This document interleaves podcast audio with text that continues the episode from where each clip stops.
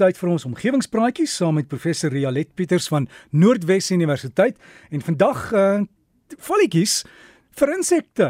Goeiemôre Rialet, goeie braaidag en erfenisdag vir jou. Môre Derek, ja, dankie vir jou ook 'n heerlike braaidag, erfenisdag soos jy sê. Ja, ek gesels vandag bietjie oor feromone om insekplaae te beheer. Vrugteboere en groenteboere ken hierdie konsep baie goed, maar ek moes bietjie gaan kers opsteek by kollega Prof Johnny van der Berg oor hoe feromoonvalle gebruik word om insekplaae te beheer. Feromone is chemiese verbindings wat deur organismes vervaardig en afgeskei word en as reuk of geurmiddels optree. Hierdie feromone het dan 'n bepaalde invloed op die gedrag en fisiologie van die ander lede van dieselfde spesies. Feromone is veral bekend by soogdiere en insekte en feromone het verskillende hooffunksies, maar die funksie wat in insekvalle gebruik word, is die feromone wat die wyfie motte afskei om die mannetjies te lok wanneer sy gereed is vir paring. En dis gewoonlik die vroulike insekte wat die geslagferomone produseer en nie die mannetjies nie. Wetenskaplikes het vasgestel hoe die molekulêre samestelling van so 'n feromoon lyk En nou word daar ten duurste kunsmatige weergawe daarvan in die laboratorium vervaardig. Feromoonvalle word op vier verskillende maniere aangewend.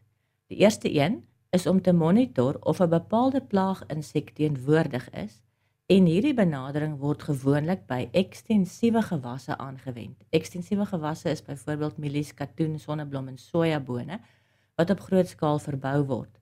So, daar word so 'n paar van die valle in en om die omgewing van die lande geplaas. En as die motte van die herfskomandowurm of stamrispus in die omgewing teenwoordig is, word die mannetjie motte na die valle toe gelok. Die valle is so ontwerp dat wanneer die mannetjie mot by die val inkruip, dit inval en nie weer kan ontsnap nie. As die boer dan die valle ondersoek, kan hy sien hoeveel van die bepaalde plaag insek teenwoordig is en of hulle meer is as die vorige week. Hierdie inligting gebruik hy dan om besluite te neem oor wanneer om die plaagdoder aan te wend want dit is sekerlik meer doeltreffend om dit aan te wend as daar meer motte as minder is. Mense moet net in gedagte hou dat feromone spesies spesifiek is. Die stamrispus se motte sal nie op die komandowurm se feromone reageer nie. Jy moet dus vir elke soort plaag die regte val aanskaf. Die tweede toepassing van feromoonvalle is om as massavangste van die insekplaag op te tree. Die valle is groot en word die feromoon saam met plaagdoder binne ingeplaas en wanneer die mannetjie motte opdaag, beland hulle binne in die val waar hulle dan doodgaan. Hierdie tipe valle word veral aangewend in hoë waarde gewasse soos vrugte. Feromoonvalle is duur en sou mens nie hierdie plan aanwend vir landerye, mielies en sonneblom nie.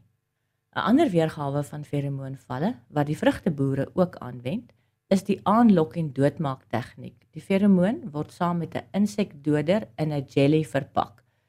Soos Prof van der Berg het aan my verduidelik het, word die jelly aangewend met dieselfde soort instrument of meganisme as waarmee mens die groot buise silikon seelaar uitdruk wanneer jy die stort of die bad se rande waterdig maak. Die feromoon en insekdoder belaaide jelly word in 'n groot word in groot vetdruppels so hier en daar in die vrugteboom gedruk. Dit lok nou die mannetjie mot nader. Hy dink dis 'n wyfie. Terloops, mannetjie motte ruik met hulle antennes. En wanneer hy op die druppel gaan sit en sy voortplantingsorgaan daarin druk, kom hy met die plaagdoder in aanraking en is die skrif aan die muur vir hom. Die wyfies word nou nie bevrug nie, sy lê nie eiers nie en daar broei nie rispus uit wat die vrugte beskadig nie. En die boer het uitvoergehalte vrugte en hoef hy nie bekommerd te wees oor plaagdoder wat op die vrugte agterbly nie. Die vierde manier hoe feromoonvalle aangetref aangewend word, is om as paringsontwrigters op te tree. Hier moet ek nou eers bietjie verduidelik hoe mannetjie hoe die mannetjie mot in die natuur die wyfie mot opspoor. Die feromoon wat sy vrystel is vlugtig en sprei van haar lyfie uit soos 'n pluim. Dink hier aan die soort effek wat mens sien as 'n houtvuur rook maak. Ons gaan vandag baie daarvan sien. By die hout self is die rookkolom nou of smal, soos wat die rook van die oorsprong versprei. Ehm um, en soos dit van die, van die oorsprong af versprei, word die kolom al hoe wyer en ons praat hiervan as 'n pluim. Hoe nader aan die vuur, hoe digter is die rook en hoe verder weg, hoe minder dig. Soos wat die wyfie mot haar feromone vrystel, beweeg dit dan in 'n pluim wind af van haar af weg.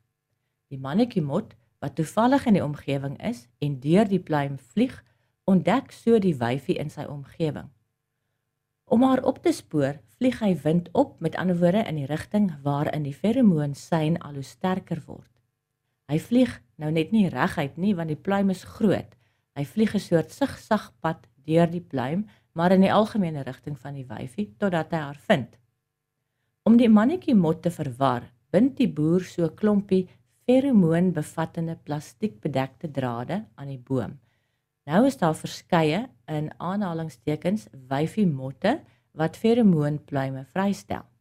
Die pluime oorvleuel mekaar en verwar die mannetjie mot sodat hy nie die regte wyfie mot opspoor nie en op hierdie manier word die voortplantingssiklus van die insekplaag ontwrig.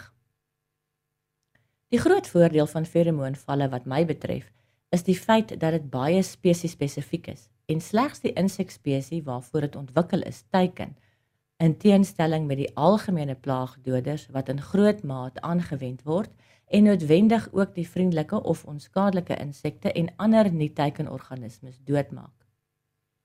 Nou die eintlike nuusbrokkie na hierdie hele relaas is dat Hong Li Wang aan die Lund Universiteit van Swede die Camelina plant, sy naam is Camelina sativa, wat die neefie van canola en broccoli is, geneties gemanipuleer het. Hulle het in die wetenskaplike tydskrif Nature Sustainability wat op 1 September van hierdie jaar verskyn het, hulle artikel geplaas. Camelina sativa se saad is olieryk. Hulle het twee gene by die plantsin ingeskryf. Die een geen veroorsaak dat die plant nog meer vetsure produseer en die ander een wat sy oorsprong van 'n mot het, is daarvoor verantwoordelik dat die vetsure so opvou dat dit die vorm aanneem wat nodig is om soos die feromone van die bekende Afrika bolwurm in Engels cotton bollworm mm -hmm. en die ruitrugmotte diamond pack moth te lyk. Nou moet die feromone uit die plantsade geëkstraheer word. Dis nou vir die eerste keer moontlik om feromone op groot skaal te produseer op 'n relatief bekostigbare manier sodat feromoonvalle ook gebruik kan word vir plaagbeheer van die ekstensiewe gewasse soos mielies, soja en katoen. Nou dis vir my baie goeie nuus, want dit beteken dat ons dit al hoe meer reg kry om net die plaaginsekte teiken en nie ook die duisend ander onskadelikes te laat vrek nie. Maar so gesels ons dan oor al die insekte en hoe moet uh, beheer saam met professor Rialet Pieters van Noordwes Universiteit. Van die inligting word ook op die Breakfast Facebook bladsy geplaas. Daar is ook die omgewingspraatjies 'n Facebook bladsy. Gaan sluit aan kry die inligting en onthou as jy dalk idee het oor iets waaroor ons kan gesels, stuur vir my of stuur vir die professor en dan kan ons 'n bietjie navorsing doen en kyk wat ons kan doen.